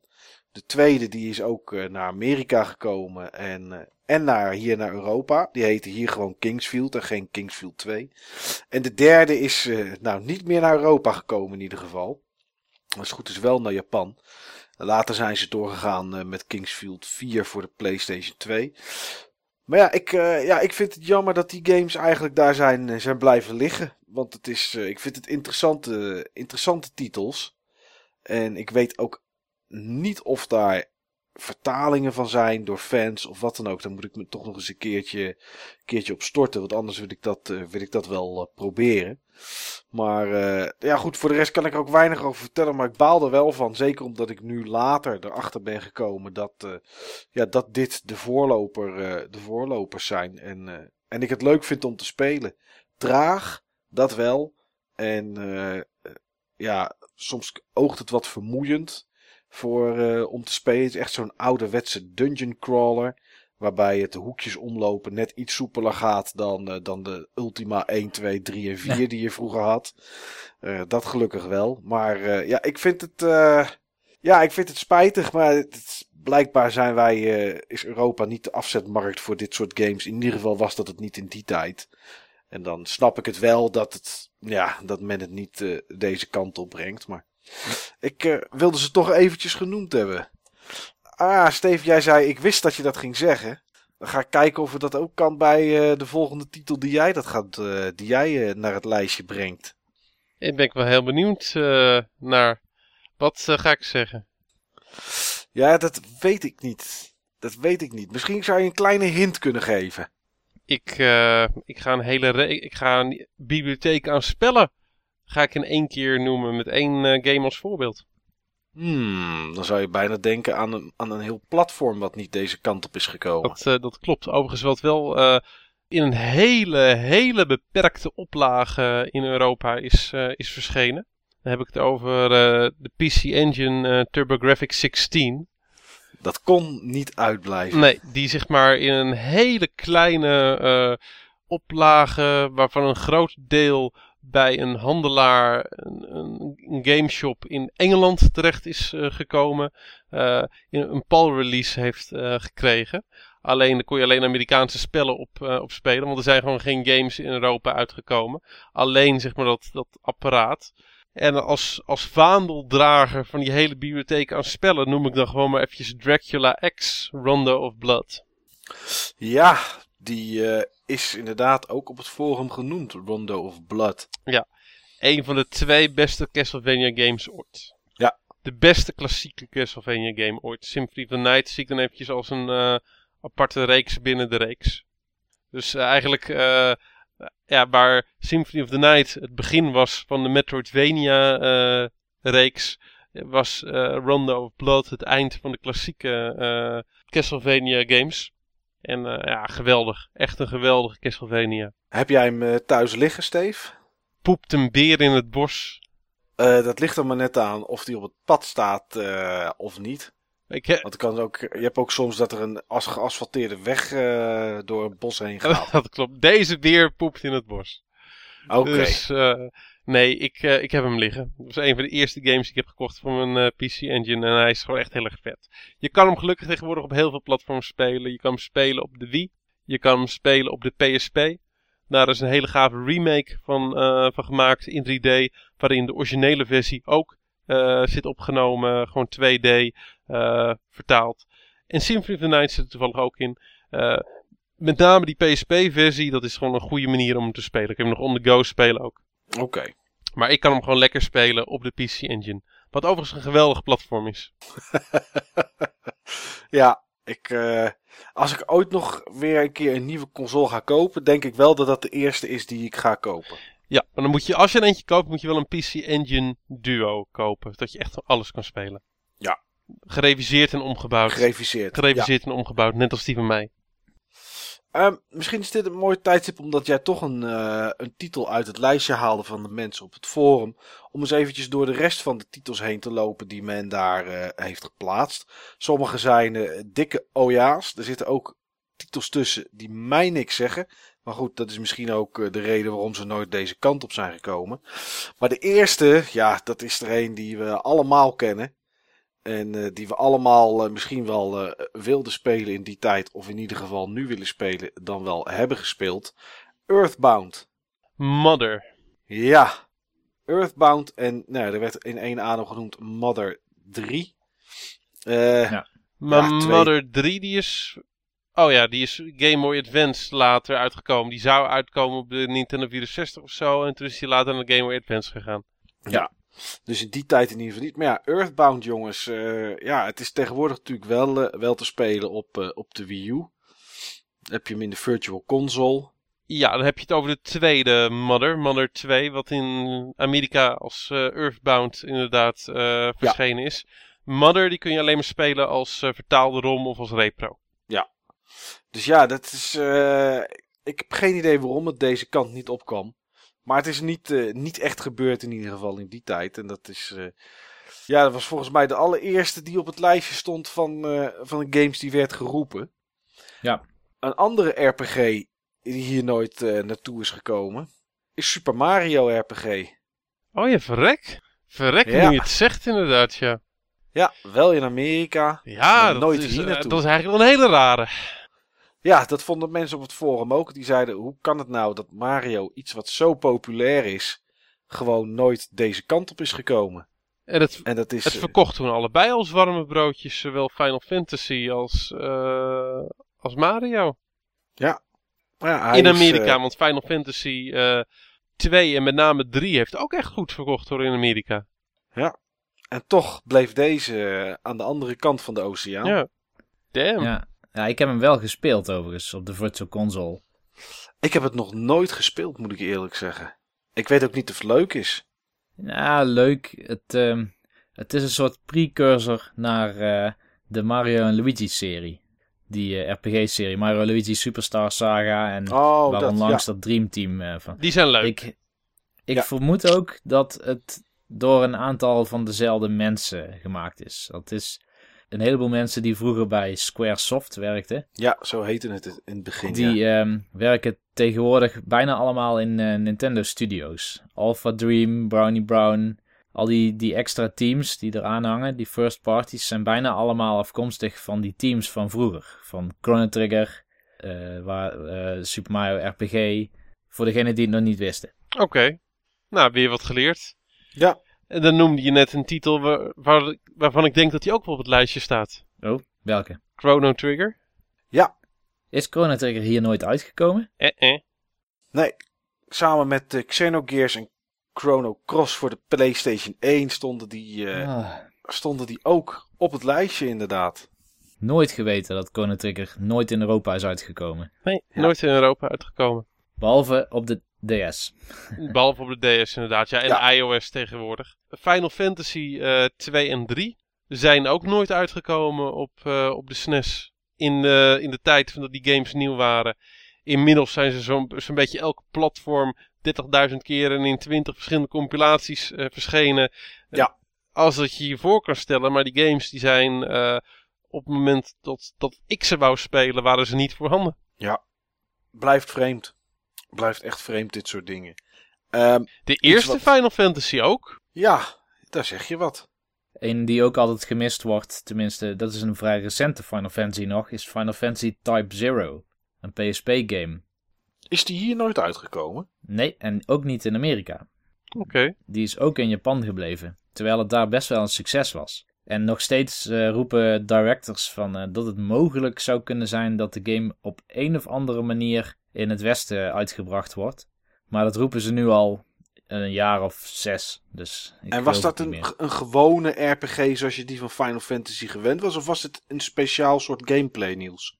Volgens mij was het meer een action-RPG-achtige game. Oké, Meer zoals eh, Final Fantasy eh 15. 15, ja. Ja. Ehm, ja, goed. Ik heb, er staan nog wel wat, wat titels op het, op het lijstje. Eh, Beyond the Labyrinth voor de 3DS. Een titel die mij helemaal niets, maar dan ook niets zegt. Ah, ik weet wel welke dat is. Dat ehm, Beyond the Labyrinth was volgens mij een RPG van Konami. En dat toen de DS werd aangekondigd, of de, toen de 3DS werd aangekondigd, toen eh, zijn daar wat beelden van verschenen. Het zag er heel obscuur uit. Ja, Hij is ook wel uitgekomen in Japan, maar was niet echt bijzonder, blijkbaar. ik zie inderdaad staan dat de publisher Konami is en de developer was eh Tri-Ace. Tri-Ace, ja. Ja. Inderdaad. En eh, 19 januari 2012 in Japan. Een action role-playing game en slash dungeon crawler. Maar goed, hier dus eh, nooit uitgekomen, ook niet, eh, ook niet in Amerika. Ik zie wel dat, eh, eh, dat Famitsu eh, magazine hem een 31 van de 40 heeft gegeven. Dus dat was toch nog wel een redelijke, En een de- redelijke score. Artstyle is wel heel erg cool. Ik zit er even een YouTube filmpje van te kijken. Nou, zonde. Weer eentje. Ja. Weer eentje die van het lijstje afvalt. Ja. Eh, een andere titel, en die pak ik even samen met een game die ik, eh, die, waarvan ik in die tijd baalde dat die hier niet uitgekomen was. Dat was Suikoden 3 voor de Ja. PlayStation 2. Die is hier nooit uitgekomen. En, eh, US only volgens mij, toch? ja, klopt. En dan weet ik toevallig dat, eh dat Joker hier eh, ook een, een, een redelijke fan is van die serie. En, en die kwam nog met, en daar gaan we, Genso Suikoden Tsumugareshi Hayakunen no Toki voor de PSP. Volstrekt vloeiend. Dat dacht ik toch. Ik weet niet wat ik gezegd heb. Misschien staan er morgen Want keer ik- drie Hitmen voor mijn neus. Nee, ik, eh, ik heb namelijk een cursus Japans die ik volg via YouTube. Ja, Eh, via eh, via een soortement van LOE-achtig instituut. ja. Het heet- ik denk ik al wie dat geeft. Het heet Miss Hanna Minks. ja, dat vermoedde ik al. Ja, ja, en ik, eh, ja, ik heb echt heel veel eh, woordjes op die manier eh, geleerd. Onder, onder andere Undotsuru. Undotsuru. En eh, ja, dat klonk gewoon helemaal vloeiend. I'm, Ja. I'm convinced. Oké, en weet je ook wat het betekent? Undotsuru? Nee, wat ik net, wat ik net zei achter... Ik heb geen flauw idee, jongen. Ik ben, oh, al, ik, ben al- ik wel. ik ben altijd afgeleid tijdens die lessen. Ja, dat snap ik. Nou, ik weet het dus wel. Want Ja. ik begrijp wel wat ik zeg. Het is The Woven Web of a Century. Oh ja, natuurlijk. Sorry. Ja, Het lag op een maar- puntje van mijn tong. Ja, het kan aan mijn uitspraak gelegen hebben. Ja, Eh, ik, denk het, ik denk dat het eh, de uitspraak was, ja. Ja, dat Volgens mij zeggen die eh, Japanners meer zoiets als... eh Kento Tsuikoden! Ja, kijk. Nu, nu En- wist ik het gelijk. Dat is zeg maar een hele grote vuurbal. Ja. Ja, Over vuurballen, ges- over vuurballen gesproken. Bomberman 64, The Second Attack. Nooit geweten dat hij er was. Ik ook niet. nooit En, geweten eh, dat hij niet in Europa uitgekomen was. Ik wist niet dat die bestond. Ik eh, weet wel dat ik heb dit weekend heb ik eh, heel veel zitten kijken naar eh, Retro Marathon NL. Stel, eh dat was ook in de week, het was zes dagen. Een groep, eh, groep vrienden en vriendinnen die voor eh, de Alzheimer Stichting geld eh, ophaalden of via donaties. En ze daar eh 24-7 games speelden. En daar hadden ze het over dat er wel meer Bomberman games in ieder geval lastig te krijgen waren. Ze hadden het over Super Bomberman 3 voor de SNES. Die is wel hier uitgekomen, maar die was vrij lastig te krijgen. Nou ja, blijkbaar was er niet altijd genoeg interesse hier in Europa voor de games van Bomberman. Eh, ja, en volgens mij was toen Bomberman 3 uitkwam, Super Bomberman 3, volgens mij was het echt wel vrij laat ook in de lifecycle van de Super NES. Ja. Ik eh, kan het eventjes checken, want ik heb hem hier gewoon staan. Hij heeft hem uiteraard staan. Ik heb hem uiteraard staan. Daar heb je denk ik wel wat voor moeten bloeden, Steven. Ik heb even zitten kijken wat die nu kostte. Ja, ik heb daar echt wel eh, mijn, mijn ziel voor moeten verkopen. 1995, dus dat was inderdaad eh, wat later in, eh, in de lifecycle van de SNES, maar nog niet eens extreem laat. Nee. Ehm, Ik had hem voor zestientjes inclusief verzenden. Oké, nou dat valt hem wel mee. Op zich is dat te doen. Een reeks of titel die mij helemaal niets zegt en ik het gewoon één op één gekopieerd heb van wat er op het forum stond. Daar stond deel 2 en 3 van Shining Force 3. Deel, Oh ja. deel 2 en 3 van Shining Force 3. Ja, dat stond er. Ik heb het gewoon eh, één op één gekopieerd. Het leek mij dat Shining Force 3 sowieso al deel 3 was van de reeks Shining Force. Ehm, Want Shining Force 1 en 2 ken ik wel. Dat zijn games voor de Mega Drive. ja, nou ik zie Shining Force 3 gewoon, staat hier voor de Sega Saturn. Oké. En daar heb je scenario 1, scenario 2 en scenario 3. En scenario 2 en 3 zijn inderdaad alleen in Japan uitgekomen. Dan heb ik er nog wel één trouwens. Een, eh, een beroemde Sega. eh, want daar is Shining Force is niet echt een beroemde Sega-serie. Maar een echte beroemde Sega-serie waarvan er gewoon een derde deel is. En dat is. Golden Axe. Daarvan zijn, waar, daarvan zijn er drie delen verschenen op de Mega Drive. Waarvan de derde ook nog eens een keer de beste was. En die is alleen op de Japanse Mega Drive uitgekomen. Dat is Hij wel een gemis. Ook in de Virtual Console trouwens uitgekomen. Dat wist ik niet. Die heb ik namelijk. Maar ik vind hem niet de beste. Ik vind hem veruit de slechtste Golden Axe. Oh, oké. Oké. Ja, ik, ik, ik heb hem niet gespeeld, dus ik kan er zelf niet over oordelen. Maar eh, het, het schijnt wel dat er weer nieuwe gameplay features in zaten, toch? Ja, hele nieuwe gameplay features eh, zitten er zeker in. Maar het voelt niet als Golden Axe. En het is nogal ehm copy-paste level design. De levels duren echt absurd lang voor Golden Axe begrippen. Maar ze zijn ook niet echt afwisselend. Oké. Volgens Nou, mij, wa- volgens het, mij eh, was het Golden Axe team ook het Street of Rage team geworden. Dat zou goed kunnen, ja. Oké, maar ik wist niet eens dat er een, eh, een derde deel was. Nou, hè, zo leren we elke keer weer wat bij. Ehm D2 voor de Dreamcast. Kregen we ook door op het forum. Er is later wel ergens eh, anders voor uitgekomen. Ik durf even niet meer uit mijn hoofd te zeggen waar dat dan wel, eh, waar dat dan wel voor was. Mijn excuses. Ehm, Donkey Konga 3 voor de Gamecube. Daar kwam eh, volgens mij de Heather Grace mee. ja. En uh, Jur ging die gelijk opsnoren. En daarna maakte hij en Heather Grace een soort van date om samen op Jurs zijn conga's te gaan slaan. Maar die schijnt ook, niet, schijnt ook niet hier uitgekomen te zijn. Nou, ik denk dat ik dat wel een beetje begrijp. Volgens mij hebben die conga's hier helemaal niet zo heel veel verkocht. En het is hetzelfde een beetje. Het kwam voor mij een beetje hetzelfde over als de light gun die je elke keer voor, uh, voor consoles had vroeger. Ja. En er kwamen dan twee of drie games vooruit. Ja, de Nederlander laat zich één keer foppen en daarna geeft hij er geen geld meer aan uit. Dus misschien dat dat de reden is dat uh, Donkey Kong 3 hier niet is uitgekomen. Maar die heeft dus hier niet, uh, niet in de winkels gelegen. Ja, nou ja, kijk, die Europese versies waren ook wel heel anders dan die Japanse. Want ik heb dan uh, Donkey Konga 1 en 2 de Japanse. Ja. En Donkey Konga 1 de Europese. En ja, die Japanse is zeg maar uh, zoveel moeilijker en sneller en fanatieker dan de Europese. Ligt okay. echt heel ver uit elkaar. Is voor ons een beetje, uh, beetje rustiger aan uh, gedaan, ja. zeg maar. Ja, ik denk dat, dat wat bij ons hard is, is bij Japan easy. Oké. Okay. Uh, een game die jou vanaf nu moet gaan aanspreken, Steve. Ja. Is Hey You Pikachu. is dat een van die games waarin je foto's moet nemen of zo? Of, uh... Nou, ik. Uh... Volgens mij was het een soort Tamagotchi waarmee je kon praten via ah, microfoon ja. op. Ja, ja, ja. Ja, ben inderdaad. Ik dol met een microfoon. Ben ik dol op. Echt. echt uh, ik, uh, ik, heb geen, ik, heb geen, ik heb 64. geen hond, omdat ik zeg maar een uh, Tamagotchi heb en een Furby. Oh ja. Allebei. en die praten de hele dag met elkaar. Ja, het was oh, een. Overigens, eventjes een, eventjes een dingetje tussendoor. Die nieuwe Furbies, die zijn fucking eng. Ja. Met die LCD-ogen. Ja, ik vind ze ook heel duur. They scare me. They, they scare me shitless. Echt waar. Ik vind het ook geen prijs voor een, uh, voor een stukje kinderspeelgoed. Maar uh, het wordt allemaal heel... Het wordt heel echt, hè?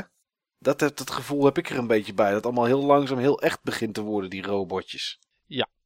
Dat is... eh, maar volgens, goed, volgens mij hebben die beesten gewoon een ziel en zijn ze met z'n allen op uit om ons langzaam uit te moorden. een soort Chucky. Een soort met van combinaties Chucky, Gremlins en Terminator. Dat is voor, de- dat is voor mij de Furby.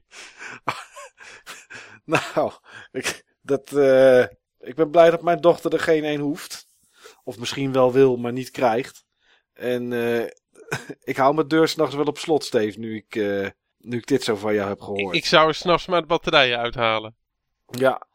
Maar goed, Hey You Pikachu. Dus was voor de Nintendo 64 met een soort headsetje erbij. En dan kon je tegen Pikachu kon je praten. Is ook nog voor de DS uitgekomen. Ik weet niet of die wel overal is uitgekomen. Of dat die, alleen, eh, of dat die ook alleen aan de andere kant van de oceaan is gebleven. Weet ik ook niet. Nee. En een andere game, dat zou jou misschien ooit aan het hart zijn gegaan, Niels, is Animal Forest. Als het goed is, de voorloper van Animal Crossing. Echt waar, ja? Ja, Ik heb daar nooit van gehoord. Eh, maar- dat, eh, volgens mij is Animal Forest gewoon de Japanse versie van Animal Crossing. Ja dat, ehm dan ga ik toch even, even snel kijken. Animal Forest is volgens mij de Nintendo 64 versie van Animal Crossing. De game die in het Ja. westen uitgekomen is op de Gamecube. Op de Gamecube.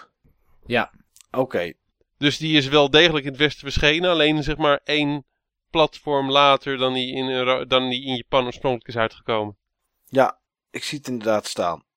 In april 2001 was Animal Force voor de Nintendo 64. En eh, de versie op de Gamecube is zeg maar een soort remake en die noemden ze Animal Crossing. Maar goed, ja ik, in die tijd had ik hem denk ik niet hoeven hebben. Toen had ik eh, Animal Crossing waarschijnlijk totaal niet gewaardeerd. oké. Dat was, eh, was, was niet de game waar je op dat moment op zat te wachten, zeg maar. Ja, ik zoek nu wat meer de rustige games op, dus daar past het dan wel bij. Ja, En ik speel het ook nog steeds, hè. Ik speel nog steeds bijna dagelijks Animal Crossing op de 3DS. oké, nou hulde. Dat heb ik al een tijdje niet meer. een tijdje niet... Sneeuwt het inmiddels? Nou, het heeft gesneeuwd. De Oh. sneeuw ligt er nog. Je kan met een beetje geluk misschien nog eh, een sneeuwpop bouwen. Waarvan je dan een bingo kaart krijgt. En dan kun je elke dag een bal trekken. en als je bingo hebt, dan, dan, eh, dan win je een prijs, hè. Oké, nou dat is, dat, is, dat, is wel, dat is wel mooi. Nou goed, eh, is in die tijd niet voor de Nintendo 64 hier uitgekomen en daarom eh, had iemand hem eh, op de lijst staan. Net zoals een game die wat nieuwer is, Kirby's Dream Collection voor de Wii. Oh ja. Ik weet niet, eerlijk gezegd weet ik niet wat er precies in zit. Er waren ook mensen die noemden Mega Man X Collection en Mega Man Anniversary Collection.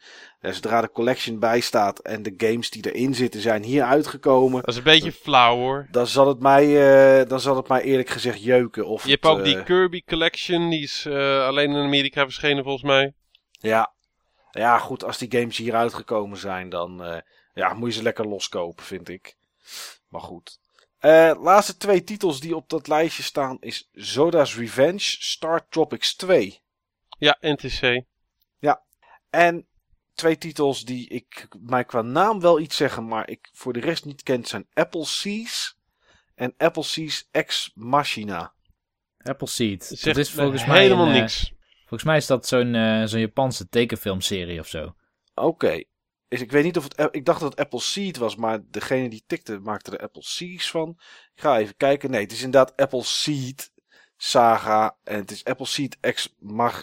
Mach- ja, dit zijn. Nou ja, dit dus. Apple Seed. Het zijn inderdaad eh, een beetje anime-achtige dingen met veel schieten en kogels.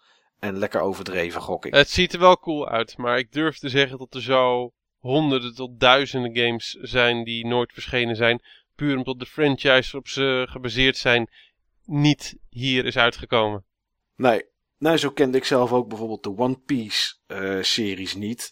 En dat, toen was mijn leven nog, eh, nog heel vrolijk.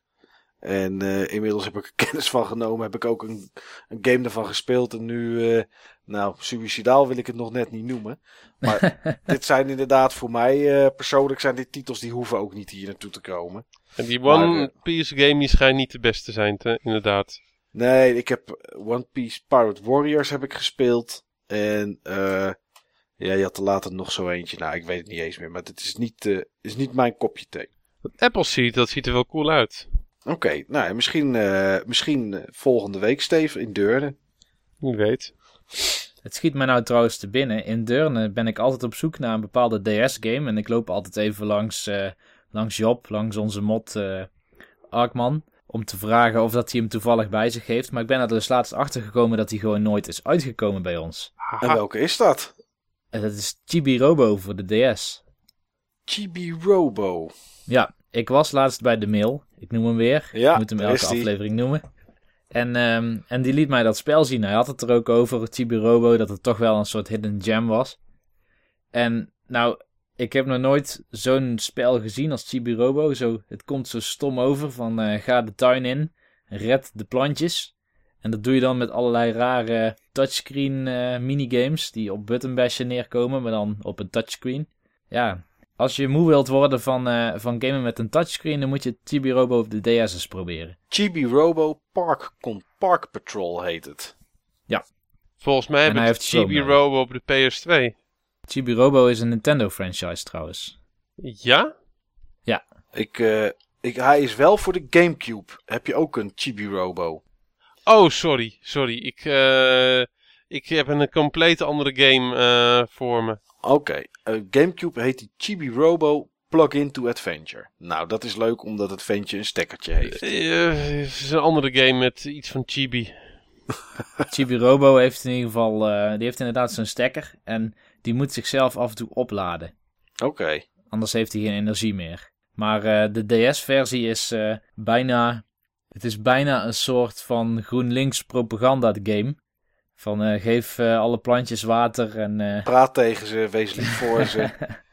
Met extra voeding. Ik, ik, heb dit, ik heb hier nog nooit van gehoord. Chibi Robo. Nou, het is gewoon een heel melig spelletje. Je hebt zoiets nog nooit gezien. En je bent heel hard over je touchscreen aan het krassen om plantjes water te geven. En dan vervolgens daarmee te dansen. Ook, ook nog. Ik zie dat er ook één is voor de, voor de 3DS. Chibi Robo Photo Finder. Ja, dat is een eh, augmented reality game. Ik zie het inderdaad. Wat grappig. Nou goed, dat was het lijstje van onze, onze vrienden en vriendinnen van het forum. Eh, eigenlijk de buttonbashers, zoals dat eh, tegenwoordig in huidige staat is. Ehm Steve, je had nog eigenlijk wel één titel dat je dacht van... die vind ik dat we nog echt even moeten noemen. Ja, zelfs nog wel twee. Dat vind ik toch wel opvallend dat die geen twee genoemd zijn. Nou, dat is wel een beetje oplichterij, Steve. Want we hebben net een knipje gehad. En jij zegt, ik heb er één. En ik heb Ja, maar tijd dus- voor één. Er schoot me nog eentje binnen. Nou, vooruit, Eh, kom maar dan. Eh, Shadow Warriors 3, Ninja Gaiden 3. Oké. Wist ik Die- niet. Ja. Nee, die is alleen in Amerika verschenen. Net zoals de collection op de SNES. Die is ook alleen in Amerika verschenen. Eh, Ninja Gaiden Trilogy volgens mij. Maar een game waarvan ik toch wel verwacht dat iemand hem eh, genoemd had. eh, Monster World 4. Echt zo'n zo'n zo'n heerlijke eh, 2D Sega RPG-platformer. Net zoals Monster World en net zoals die Wonderboy games op de, op de Master System. Alleen dan ja, waarschijnlijk de beste van de serie en alleen verschenen officieel in Japan. Oké, ik eh, zie wel dat hij naar de Virtual Console komt of al is. Dat is tegenwoordig eh, bijna alles eh, wat, wat ze uit kunnen brengen. En voor welk platform was die, was die officieel, Steve? Mega Drive. Mega Drive. Mega Drive. Oké. Ik zie dat er wel een Monster World Complete Collection is geweest voor de PlayStation 2. Maar daar zal die ongetwijfeld ook niet in hebben gezeten. Volgens mij is Monster World Complete Collection is volgens mij ook eh pen only. Ja, zo ziet het hoesje er wel uit. Monster World 4 is volgens mij laatst eh expres nog vertaald. En daarna verschenen op Virtual Console, Xbox Live Arcade en eh, PSN. Oké, dus wel eh, nu inmiddels wel toegankelijk, maar in die tijd niet. Ik moet eerlijk zeggen, Steve, ik heb nog nooit een Monster World game gespeeld. Dit is een van de twee beste. Oké, en de andere beste is? Ja, Monster Boy, de, de Dragons eh, Trap Oké, en die is wel hier verschenen. op de Master System. Oké. Dan eh, gaan wij daarmee mee afronden. Dan hebben we eigenlijk een hoop games gehoord die hier nooit uitgekomen zijn. En waar waarschijnlijk we echt maar een tipje van de sluier hebben, hebben opgelicht. Er zullen ongetwijfeld nog heel veel meer games zijn. Voor de volgende podcast vragen we uiteraard weer jullie input. Want dat is iets wat, eh, wat erg goed werkt. En waardoor wij zelf ook vaak aan games moeten denken waar we zelf niet aan gedacht hebben. En dat is het volgende topic, eh, mannen, voor de volgende uitzending natuurlijk wel een heel mooi onderwerp voor. En dat zijn eh, de Hidden Gems deel 2. We hebben ook al een keer een uitzending gemaakt waarin we ja, titels aanstipten die weinig mensen kennen, maar waarvan wij vinden dat je ze eigenlijk zou moeten kennen. En eh, ja, er is al een topic voor op het forum, dus daar wordt al aardig over gepraat. En eh, daar gaan wij het de volgende keer over hebben, mannen. Dat lijkt me leuk. Nog eens een keer terugkomen bij dat topic. Ja. En dit keer inderdaad met inbreng van de mensen van het forum. Ik, ik hou van alles wat glinstert. Dus hidden gems, die eh, kan ik altijd wel eh, goed vinden. Ja, op datingsites kijk je ook altijd naar vrouwen met gouden broeken, toch, Steve? Oh, zeker. En verborgen gebreken. Ja. ja, Dat is dan hetgene waar ik dan weer eh, naar op zoek ben. ja, ja. Sommige zeg maar mensen- eh, vogeltjes met een gebroken vleugeltje. Dat is mijn specialiteit. Ja, en een mank pootje. Maar wel in een gouden broek. Om nog even tussendoor te komen, de podcast aflevering waar we het ooit over Hidden Gems hebben gehad, was aflevering 12. Oké, nou dan eh, is het alweer een hele tijd geleden. Zijn we vast allemaal wel weer nieuwe titels tegengekomen waarvan we denken, dit zijn hidden gems.